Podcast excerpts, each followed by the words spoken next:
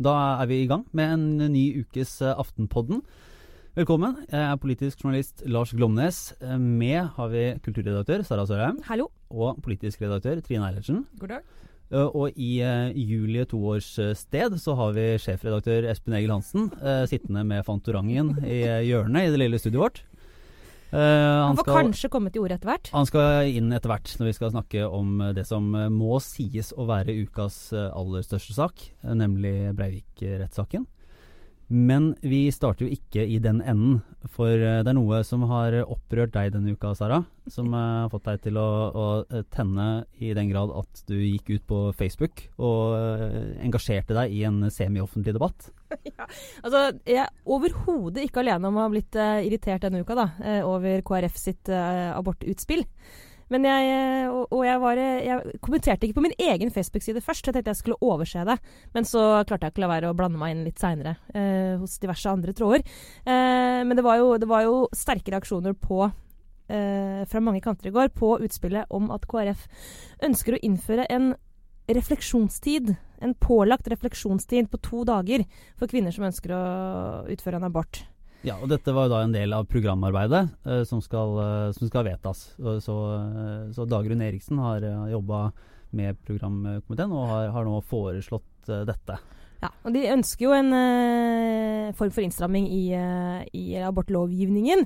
men det som jeg kanskje reagerte aller mest på med det forslaget her, er at det er jo ikke en det får jo ikke noen praktiske konsekvenser. Sånn, altså, de håper kanskje at noen, når de får tenkt seg godt om, ombestemmer seg og, og bestemmer seg for å verne livet de har i, i, magen, eller en eller annen sånn idé om at kvinner som, som uh, ønsker abort, faktisk ikke har tenkt seg om liksom, i forkant.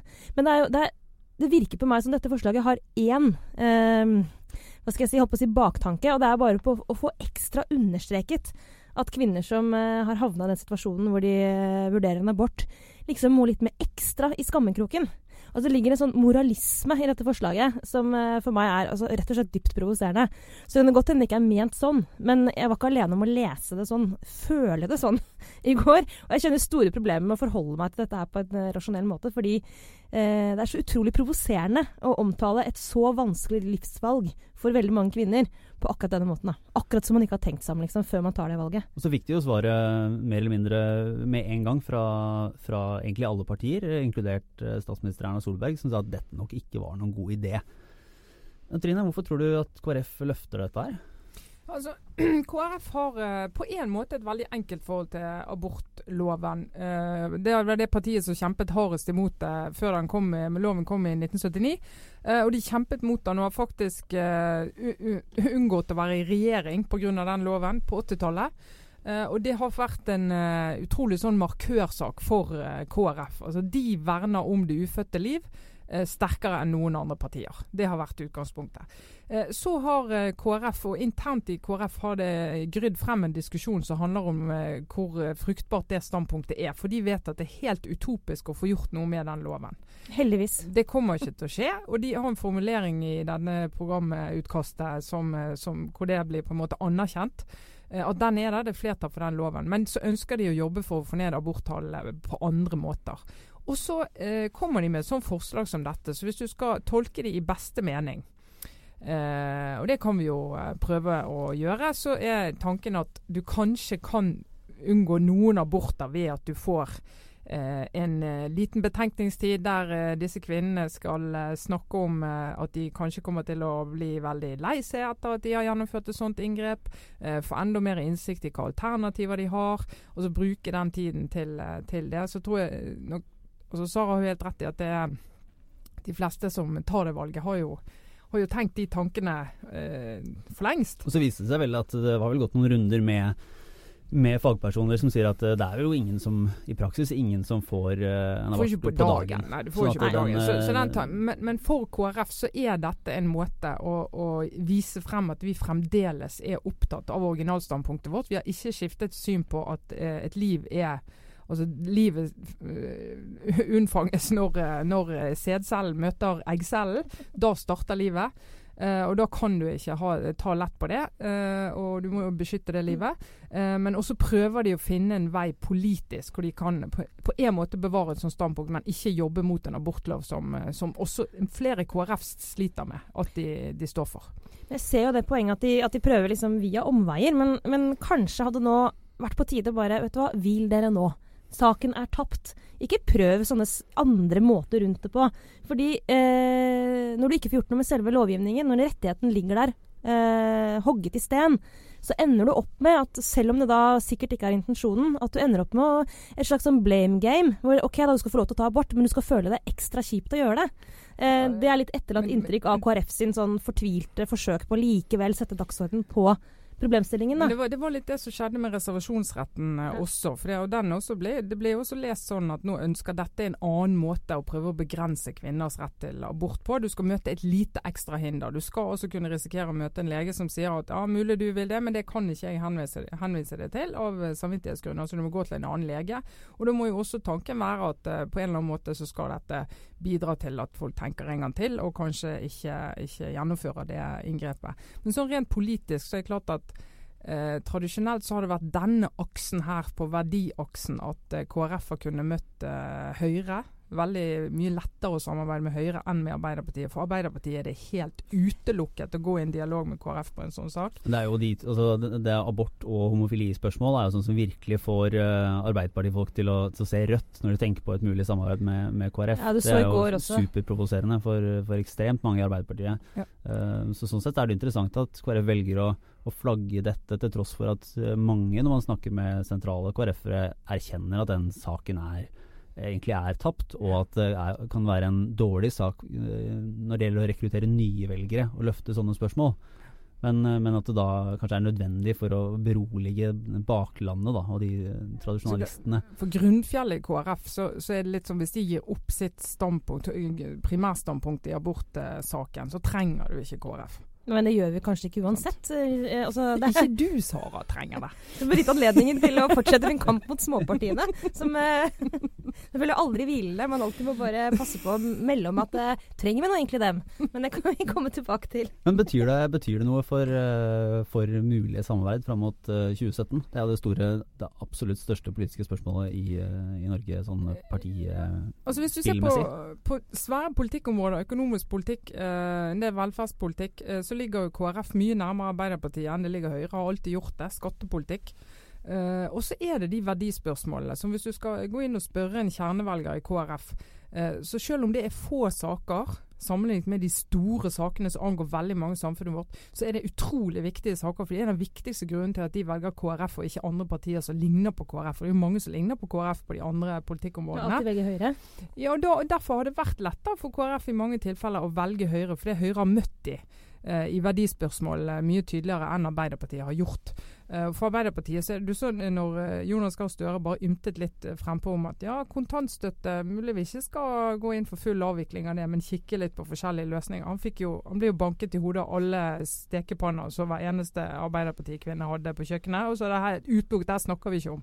Så det er sånn ikke-sak uh, å overhodet gå inn i en del av de diskusjonene som KrF er veldig opptatt av. Men i KrF så har de jo, ser du fortsatt tilbake på det utspillet fra fra Støre om, om, kontantstøtten, som et sånt varmt lite minne. Ja, ja, ja. Eh, som vi kan tenke tilbake på og, og grunne litt over. Så, så det, det, er jo, eh, det, er jo, veldig attraktivt hver gang det kommer sånne signaler fra Arbeiderpartiet. Men det viser jo hvordan verdispørsmål får eh, reell betydning også realpolitisk. For det kan jo da ende opp med sant, at KrF velger en, en, regjeringspartner som de reelt sett egentlig er mindre enig med. Altså I og med at de, de ligger så nærme Arbeiderpartiet på mange spørsmål. Men, men verdisaker som allerede er tapt, er likevel av så stor verdi for dem at de havner på, på andre siden. Det er jo egentlig det er jo totalt irrasjonelt. Eh, men politikk er jo heldigvis ikke rasjonelt. I hvert fall ikke ja, til enhver tid. Det, det er jo rasjonelt hvis de skal beholde grunnfjellet sitt. da. Så er det jo rasjonelt for de å stå der de står. Så, ja, men som sånn du sett. sier, det er mange unge KrF-ere som, eh, som, godt kunne tenkt seg at uh, de hadde en annen diskusjon om bl.a. abortspørsmålet. Og det, dette forslaget speiler faktisk litt av det. Mm. Men eh, nå tror jeg vi skal eh, gå, gå, litt videre til eh, det som må sies å være ukas virkelig store sak og alvorlige diskusjonstema. Da er vi så heldige å få med sjefredaktøren selv, Espen Egil Hansen. Velkommen. Takk for det. Veldig hyggelig å ha deg i det lille Aftenpodden-studioet. koselig her. Ja, eh, du får vel eh, stå som ansvarlig eh, for en del av det vi og andre får kjeft for denne uka. For hvis man går inn på Facebook og andre steder, så pågår det en kontinuerlig diskusjon hos både høy og lav om hvorfor denne saken som Anders Behring Breivik har, tatt opp mot, mot, staten, får så mye oppmerksomhet. Og Løper vi hans ærend når han nå får, får så mye dekning som han får? Ja, det er et godt spørsmål, det er, og det er et åpenbart dilemma. Og dette er en debatt som begynte under den uh, første rettssaken, uh, og som naturlig nok fortsetter nå. Det er jo to hoveddilemmaer for oss i Aftenposten og, oss i pressen. Det er at vi blir en, si, en ukritisk ta talerstol, en, en scene Eh, for hans eh, politiske budskap og det han eh, ønsker. Og det andre dilemmaet er jo hensynet til pårørende, de som er direkte og ble direkte berørt. Uh, og så uh, må vi veie det opp mot uh, den åpenbare interessen det er for saken. Men vi, det er jo fortsatt, uh, det er fortsatt sånn at uh, man dekker dette Hvis man går inn på en nettavis denne uka her, så, så, vil, så vil, man en, uh, vil man få en siste oppdatering. Det er, det er en time for time, minutt for minutt av hva som er sagt, hvilke krav, alt dette. Er, er det nødvendig å gå så tett på? Ja, det, det er også et godt spørsmål og, og et dilemma, vil jeg si. Jeg tror vi hadde eh, gode diskusjoner på forhånd, for vi, vi vet jo hvordan eh, denne, en, den type rettssak vil uh, forløpe. Og vi bestemte oss for noen, en, en tilnærmingsmetode. Vi bestemte oss for at vi behøver ikke være først. Vi har god tid til å diskutere uh, dilemmaer. Uh, vi diskuterte f.eks. muligheten for at han skulle gjøre en, uh, en uh, hilsning, slik han gjorde i den første rettssaken. En politisk ytring. Hva gjør vi da? og da det skjedde, så tok vi oss tid til å diskutere igjennom er dette relevant å få fram, og i hvilken form. Når det gjelder bildet av denne hilsenen, så hadde vi bestemt oss for å ikke gå tett på hvis han, hvis han gjorde det. men visende det vi i pressen liker å kalle kontekst, altså hvor det er litt rom rundt. Hvor vi ser at han er i håndjern, eh, det er politifolk rundt, altså en dokumentasjon at han er eh, i retten.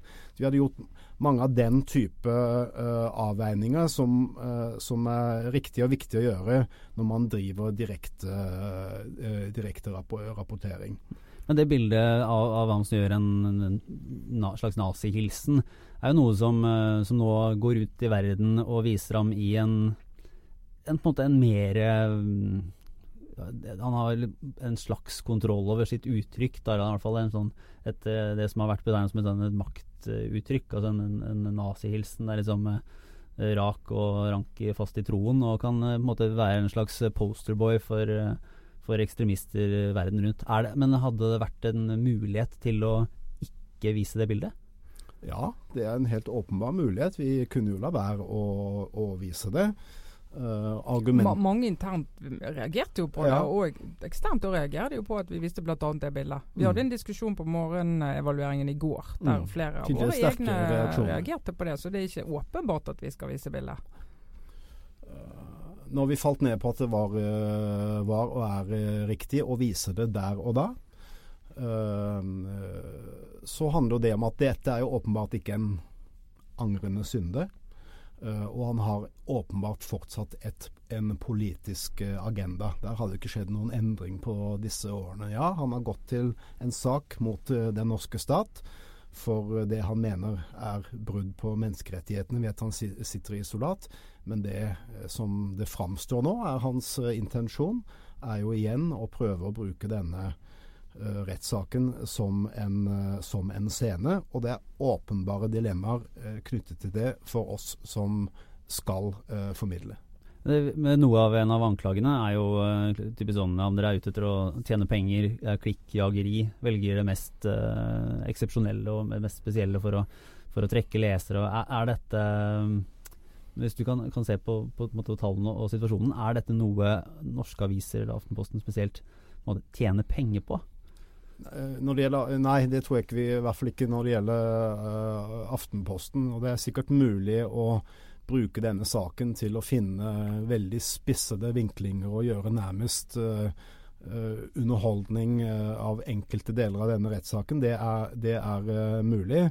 I Aftenposten så, så, har vi prøvd å være nøkterne. Vi, vi, vi er ikke opptatt av trafikken på det. Den er for øvrig ikke spesielt god uh, lesning, in, in, interessant uh, nok. Men vi er opptatt av å gi våre lesere en rimelig og god dekning av det som rent uh, faktisk skjer i rettssalen, og så ikke minst kommentere den og analysere den. Mm.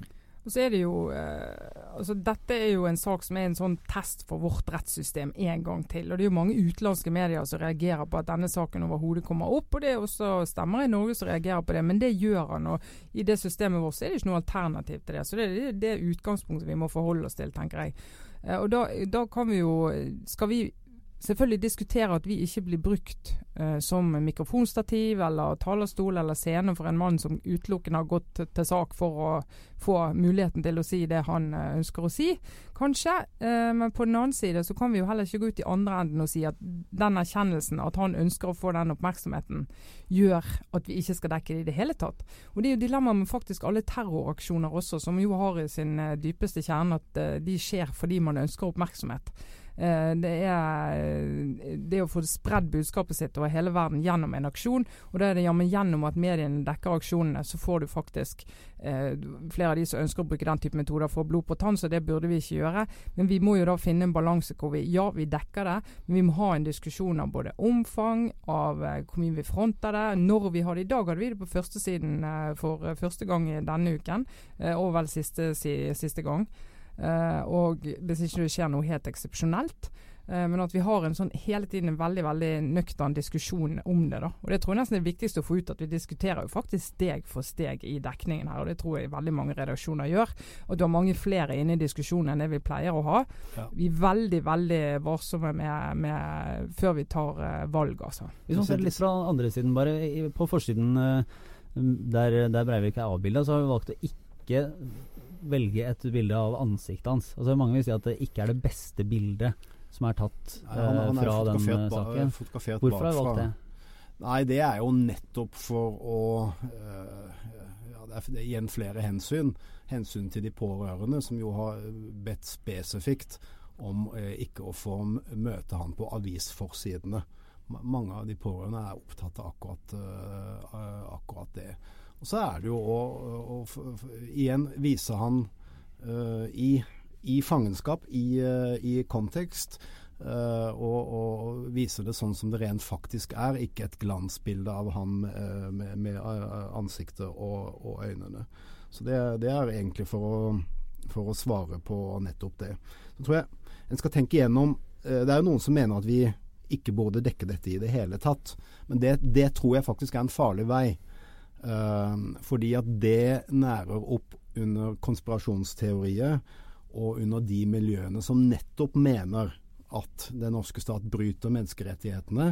Uh, at han blir nærmest mishandlet i dette i, i, i, fengselet, og at han har fått skader. Og er det noe rettssaken så langt uh, har vist, så er det en, en, en Breivik som til forveksling framstår som han gjorde den gangen.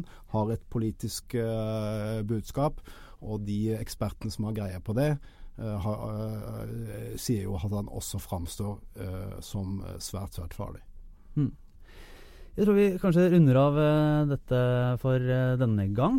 Uh, så takk Espen Engel for at du kom og var med oss. Og så kan Sara komme tilbake. For å, Hun har gått og glede seg til at vi skal ha en liten slags spalte. Nemlig Trines reformhjørne.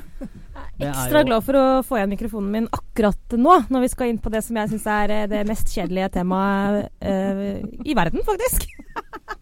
Men nok en gang er jeg klar for å la meg overbevise av Trine om at eh, jeg tar feil, og at dette er noe jeg må forholde meg til. Så bare for, gå i gang. Ja, fordi når Trine ikke sitter i studio her, eller er ute og sjefer i uh, Akersgata 55, så uh, sniker hun rundt i nattens mulm og mørke og leser seg opp på norske reformer. Hva har, du, hva har du til oss denne uken, Trine? Ja, ja, nei, mitt eh, reformhjørne, som min eh, favorittreform for tiden, da, så jo er kommunereformen, den ruller og går. Ja, og det som er litt ikke når du sier unnskyld at jeg avbryter, men ja. din favorittreform for tiden. Ja. Som om ikke vi har hatt en pågående kommunereform faktisk i hele min levetid, og sannsynligvis kommer til å ha det også resten av tiden vi er her på jorden. Nei, men det, det, eh, der må korrigere det igjen, Sara. Sist vi hadde var Skeikommisjonen på 60-tallet. Lenge siden vi hadde ordentlig kommunereform. Okay, da. Ja, Så dette er nye ting. nye ting. Eh, nei, jeg var faktisk eh, innom eh, Jan Tore Sanner i går og snakket litt med han om en del eh, andre ting. Men eh, fikk heldigvis snakket litt om dette også. Eh, men da, da måtte jeg spørre han, for det er jo veldig mye på gang ute i kommunene nå. Vi kommer jo med en svær pakke i Aftenposten i fredagen for, hvor vi får et svært kart som viser litt eh, hvordan det går. Jeg er veldig glad for den satsingen, kan jeg avsløre.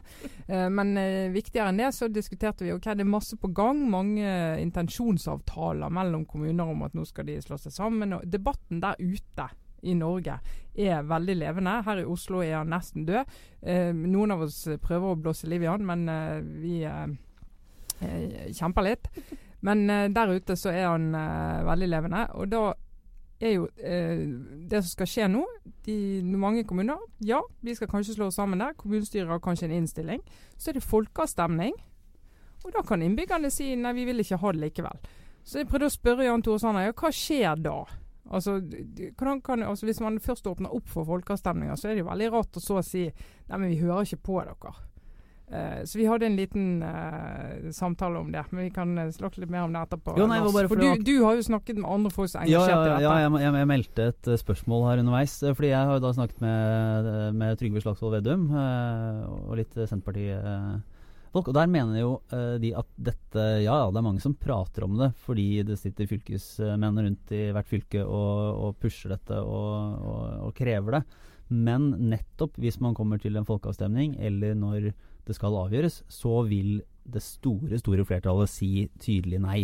Mm. Så da lurer jeg litt på hva nettopp hva er det Jan Tore Sanner sier er, Hva er det han har i bakhånd hvis, eh, hvis befolkningen og kommunene slår seg vrang? Nei, altså, jeg, jeg tror det han eh, Det håper han da klamrer seg til. For han er jo Han sitter der han sitter, og han er avhengig av å ha flertallet på Stortinget selvfølgelig med seg på, på alt han gjør eh, i dette. Eh, og de har jo sagt det at du skal ikke drive med tvang sånn i, i utrengsmål. Hva nå det måtte bety. Men eh, så da, da viser han til en del eksempler, f.eks. Lista kommune, som eh, har hatt en innbyggerundersøkelse der eh, 80% var for eh, kommunesammenslåing. Eh, og så har de en folkeavstemning der eh, flertallet sier nei til kommunesammenslåing. Men der det viser seg at eh, valgoppslutningen var på bare tro 40 Mm. Og da er det sånn Og da sier ordføreren i, i lista at uh, men, men, men vi kan jo ikke forholde oss til et sånt valgresultat når uh, vi har en innbyggerundersøkelse som viser at flertallet vil ha det. Men selvfølgelig uh, kan de det.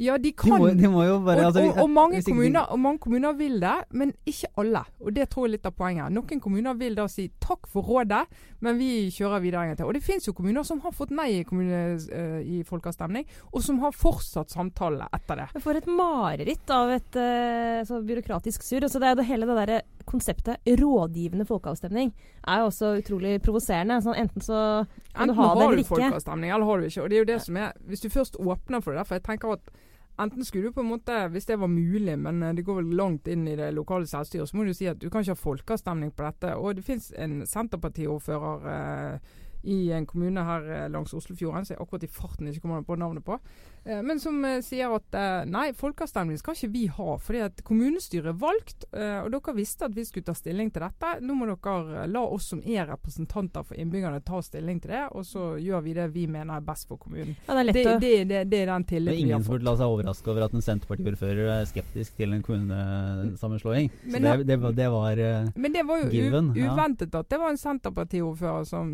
da sa at uh, han ville ikke ha folkeavstemning. Så det er uventet. Men det er jo eh, egentlig helt Altså det er lett å argumentere også prinsipielt for at eh, de folkeavstemningene vi har, det er altså annethvert år når vi går til valg. Eh, også For kommunene sin del så er det en avstemning hvert fjerde år, og da er det innbyggernes fordømte plikt å sette seg inn i partiprogrammene og eh, ta stilling til en del store saker der. Og at det ligger en sånn eh, Altså, det er riktig at vi overlater en del virkelig store avgjørelser til de folkevalgte, fordi eh, enkeltsaker, om det så er kommunesammenslåing, eller om eh, Storbritannia skal melde seg ut av EU, eller andre ting, blir jo kampanje og eh, veldig populistisk håndtert. Og du kan ganske lett mistenke de som stemmer, for å ikke liksom kjenne saken godt nok. Ja, Gud forby at folk da- skal involveres. Ja, eh, Sara. ja, men da er du med en gang inn i den der hengemyra som vi opplever nå. At uh, folkeavstemninger ikke egentlig blir uh, reelle. Og så undergraver du liksom tilliten i folket, og så er det bare alt kaos. enkelt kunne si at hvis, du være, hvis det er en oppslutning under 50% så, er det ikke en, så vil den ikke være bestemmende. Men, men, men det som blir veldig rart, er hvis du kommer i ettertid og sier det. At når resultatet blir feil, så sier du at eh, Nei, det var for lav oppslutning, så det gjelder ikke. Altså, så det, det, er, det er veldig kompliserende det med den folkeavstemningen. For jeg tror det blir ramaskrik i mange kommuner hvis du, hvis du over, overkjører en folkeavstemning. Så dette, den, dette er ikke slutt, Men mine sa, venner. sa, sa helt, helt på tampen av den eh, delen, sa Jan Tore Sanner noe om eh, hvor mange, hvor mange kommuner som kan bli slått sammen? Altså, det, har vært, eh, det har vært det store spørsmålet hva man vil ende med. Erna Solberg fikk jo eh, tyn da hun antydet at uh, bare det gikk under 400, så ville det være Ja. Vil det være nivået man la seg på? Der, det er ikke bra for vi, folk der fikk jo vi eh, kritisk tilbakemelding fra eh, kilder ved SMK. da vi snakket om det sist vi snakket om reform. Og der det ble understreket at det hadde hun sagt på spørsmål fra Aftenposten-journalist Solveig Ruud. Eh, men det var ikke det at hun mente at det var tilstrekkelig. Så det er de opptatt av, av å understreke. Eh, men jeg tror jo de håper på en sånn De håper jo på en halvering av antallet. Eh, de håper på at vi skal gå eh, fra 19 til 10 fylker.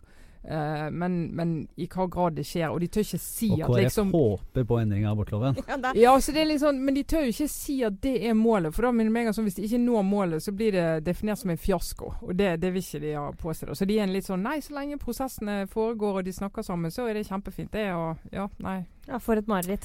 Det er jo eh, også kilder ved SMK som påstår at, eh, at kommunalministeren vår er en, eh, en slags lysfontene av karisma og overtalelsesevne. Eh, altså Jan Tore Sanner, men at det kanskje ikke alle har oppdaget det ennå. Eh, og hvis det stemmer, så tenker jeg sånn da er det på tide å komme frem som eh, folketaler. fordi hvis man skal klare å få gjennom denne reformen, så må jo eh, engasjementet for å slå seg sammen økes betraktelig rundt omkring i dette landet. Hvis ikke så er det jo helt håpløst. Men eh, skal vi se, vi får eh, la Takk for spalten, Trine. Jo, takk, takk, var, var vel gjennomført. Jeg kommer, jeg eh, kommer reformhjørnet. tilbake, vet Ja. Du. Eh, og så går vi egentlig til, uh, til vår uh, relativt nyetablerte helgesnakkspalte om hva vi kommer til å ta opp. Som vi nå har fått nytt navn. Vi omdøper den til obligatorisk refleksjon. Så, Vi er veldig fornøyd med det så navnet. ja, som en uh, liten uh, hilsen. Uh, så du kan jo i og for seg begynne, Trine. Men hva, hva, vil, du, Ja. Ja, hva vil du reflektere over og ta med deg inn i selskapslivet i, i helgen? Ja, altså Jeg skjønner neste gang skal jeg komme på noe gøyere, men likevel. Dette er uken etter at årets bilde ble, ble delt ut. Det ble delt ut forrige fredag. En finfin fin konkurranse som pressefotograf er Norge med på. Eh, og pressebildet, det må vi snakke varmt om. Foto, fotojournalistikken, pressebildet. Og da har jeg lyst til å gi et tips. fordi at hvis du, eh, hvis du er på Instagram og har lyst til å ha noen sånne fine pauser hver dag, hvor du ser ordentlig gode bilder, ikke sånne tøffelbilder som de fleste av oss legger ut, så skal du følge noen av verdens beste fotografer. Du skal følge noen av verdens beste pressefotografer. Hvor finner du de? Jo, du kan f.eks. gå inn på Magnum Foto. De, de har en egen feed på Instagram der de sender ut mye av det som fotografer som er tilknyttet det kollektivet lager. En av de norske, Jonas Bendiksen, er der. Eh, Du kan gå på Panos Pictures, som eh, der Espen Rasmussen, han storvinneren i VG, i VG-fotografen, eh, tilknyttet det kollektivet. Du har det norske Moment Agency, der fotografer som Helge Skodvin og Knut Egil Wang, som jeg har jobbet med i Bergens Tidende bl.a., som er fantastisk spennende fotografer, er der. Og Det er altså så flotte bilder. Og når du får se fotoets dokumentariske kraft og fotoets verdi, bare for å formidle med et snap hva som skjer i verden. En følelse, en stemning, et drama. Det er ingenting som overgår det. Jeg har foto på veggene hjemme, Sara. Du har sett det. Det er Mm. pressefotografer som preger mine vegger hjemme. Sånn skal, det, sånn skal det være. Så det må jeg bare få lov å snakke varmt om. Men det er faktisk den ypperste formen for journalistikk. Det er, det, altså Uansett, og det har ikke endret seg i det hele tatt, i motsetning til alt annet i denne bransjen, så er det eh, evnen til å fortelle en historie i løpet av en eh, håper si, ut, løpet av et klikk, for det er jo ikke lenger lukkertid kanskje på moderne digitale kameraer. Men, eh, men altså det å fange den historien som de beste pressefotografene klarer å fortelle i løpet av ett bilde, det er så Ja. Eh, Vi sto, vi sto nettopp nå eh, på en eh, samling ute her i, i Aftenposten og bl.a. så på Stein Bjørge sitt bilde, som vant førsteprisen i dagligliv under årets bildekonkurranse forrige uke. Et bilde han tok under begravelsen til sin far. Eh, og var når Lillian Wandberg, A-magasinredaktøren, sto og snakket om det og så det bildet, og hun fortalte om bakgrunnen for det bildet, jeg får jo klump i halsen og tårer i øynene. Og det er litt sånn effekten bildet har. Så jeg vil bare si til alle, se på bilder, snakk på bilder, oppsøk bilder. Eh, gjerne på Instagram, der finnes det mange mange fine fotografer. Det er veldig bra. Det tror jeg min, eh, min, eh, min obligatoriske refleksjon, og ganske frivillige, er, det er en, en kort liten hilsen til tidligere, nå Aftenpodden-gjest, og gode kollega Thomas Bo Hornburg, Mm. som har sittet her og analysert og, eh, og snakket uh, strategi, som uh, nå denne uken uh, rett og slett begynner å jobbe for Jonas Gahr Støre og Arbeiderpartiet. Ja, han har Ja. slutta og sagt opp som politisk kommentator i Aftenposten. Ja, Han er gått over til the dark side. Ja. Eh, som sikkert kommer til å gjøre en, en ypperlig jobb der. Eh, men den lille refleksjonen var egentlig bare for, et, for, et, for, for noen store steg for eh, både Aftenposten og Arbeiderpartiet. Eh, for i gamle dager så var det jo, etter det jeg har forstått, var det jo, gikk jo folk mellom, mellom Aftenposten og, og Høyre nærmest uke for uke og byttet mellom roller og og det var vel til langt inn på 80-tallet at Aftenposten var til stede på gruppemøtene i, uh, gruppemøtene i Høyre på Stortinget.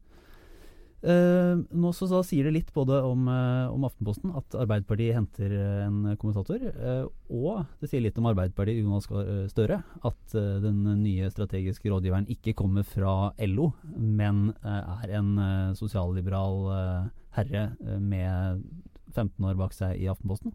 Og i Skipsted. Og i Skipsted Ja. i det hele tatt. Det, det er det, og det tror jeg går bra for Thomas og bra for de. Så jeg eh, sendte Jonas Gahr Støre en eh, gratulasjons-SMS i går. Så gratulerer med en god rekruttering, og pass godt på Thomas, skrev jeg. Og da, tusen takk, det skal vi gjøre. Det syns han var hyggelig, så vi eh, skal nok snakkes alle tre. Det blir rart, men litt rart. Men litt fint òg. Og så skal du få eh, litt mer å gjøre enn du har i dag, Trine. Fordi du kommer til å få enda flere e-poster nå om at vi er kommunistavisa Aftenposten. Men det har du stillingstillegg for å svare på, så den Jeg har jobben får du bare ta. stillingstillegg for å svare på at vi er venstrevridde. Eh, og så Og har høyrevridde. faktisk eh, Du har jobbet i BT også, så det er alltid kritikken mot at en redaksjon er venstrevridd. Er alltid tyngre enn at den er høyrevridd. Uansett hva den redaksjonen holder på med på lederplass og på nyhetsplass. Og sånn, det er bare en sånn Sånn er naturen. Og bare for å eh, Helt veldig, veldig kort. eh, jeg har aldri fått så mye kritikk for å være uh, i, altså, venstre, altså, det er helt merkelig, for i Klassekampen hvor jeg har jobbet, så fikk jeg jo ekstremt mye kritikk for å være høyrevridd. Var det internt eller fra leserne? Internt og eksternt. Uh, Og det var vel riktig òg, kanskje? Ja, rent personlig var det kanskje det. Men, uh, men den der, det derre hva folk liksom mener at du skulle mene, og hva de tror at du mener, og hva du faktisk mener, der er det alltid ganske store forskjeller. Det må man bare leve med. Eh, nå eh, skal jeg reflektere litt òg, eller? Ja, ja, det er obligatorisk. Det er obligatorisk refleksjon. Ja, altså eh, Da får jeg bare komme med det som eh, nok en gang, det som er sannheten. Det jeg kommer til å reflektere mest over eh, akkurat det kommende døgn, det er eh, Uff, dette er litt flaut, men det er is. eh, det er en is. Det er en ispinne. Eh, og det handler egentlig om den enorme kontrasten mellom eh, ønsket, eh, etterlatt inntrykk, kan man si det. Altså selvbildet og det du, det du ønsker å utstråle overfor verden, og det du faktisk gjør. I Norge har jo en sjanger av jenter som eh, er bloggere, og som er livsstilsbloggere, og som ønsker å være liksom Norges it girls. Og den ledende kvinnen der er jo fotballfrue, eh, aka Caroline Berg Eriksen. Og hennes litt mer ukjente, men desto eh, hippere i gåseøyne, kollega Camilla Pil. Og de eh, bor jo i dette landet og prøver så godt de kan, og særlig fotballfrue ute på Siljan der i Blokk Vatne-huset sitt, og fremstå som en eh, kul dame som er et knepp unna Carrie i eh, New York. Eh, de lanserer nå en saftis med En fjeset sitt på en hver. En hver, ja. Søtet med stevia, ikke sukker. Så er det en sunn is. Å, jasp. Så jeg kommer til å tenke litt på eh, at de som jeg vet om som har lansert ispinner, eh, er veldig Drillo. Ja, og Kaptein Sabeltann. Ja. Så helgens store slag blir Kan ispinnen gjøres kul, eller er det bare et bevis på at uh, slaget er tapt for er fotballfrue? ja. Men uh, har vi, det- vi kan ikke la dette slippe helt ennå. Uh, har du, har, vet du om isen har fått noe navn? Ja, Den heter eh, Frost. Oh. Ja. Eh, og det tenker jeg eh, Det er liksom fint navn. Eh, kanskje er det også ekstremt smart, fordi alle små jenter i, har jo oppheng Ja, på Disney frost, eh, Frozen.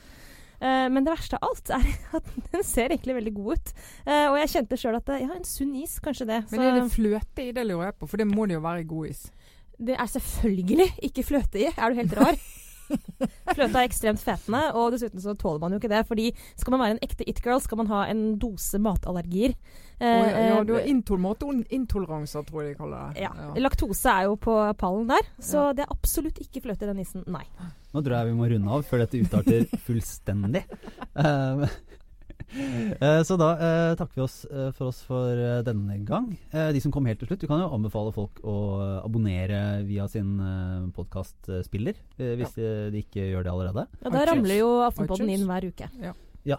og, det, og så kan man anbefale podkasten til venner, så vi får utvidet den lille gjengen som hører på. Det også, setter vi også pris på. Så skal vi ønske våre kjære lyttere riktig god påske. Ja, Det skal vi. Ja, Og- faktisk. Ja, for det blir faktisk pause neste uke. Det blir det. Vi går inn i den stille uke. Eh, noen av oss har større problemer enn andre med å, å være stille. Eh, men Norge i hvert fall eh, roer jo litt ned. Så alle må ha god tur på fjellet eller i byen eller eh, hvor dere nå skal. Og så høres vi jo snart igjen. Ja, absolutt. Og dermed takker vi for oss. Trine Eilertsen, Sara Sørheim og jeg er Lars Klomnes. Ha det bra.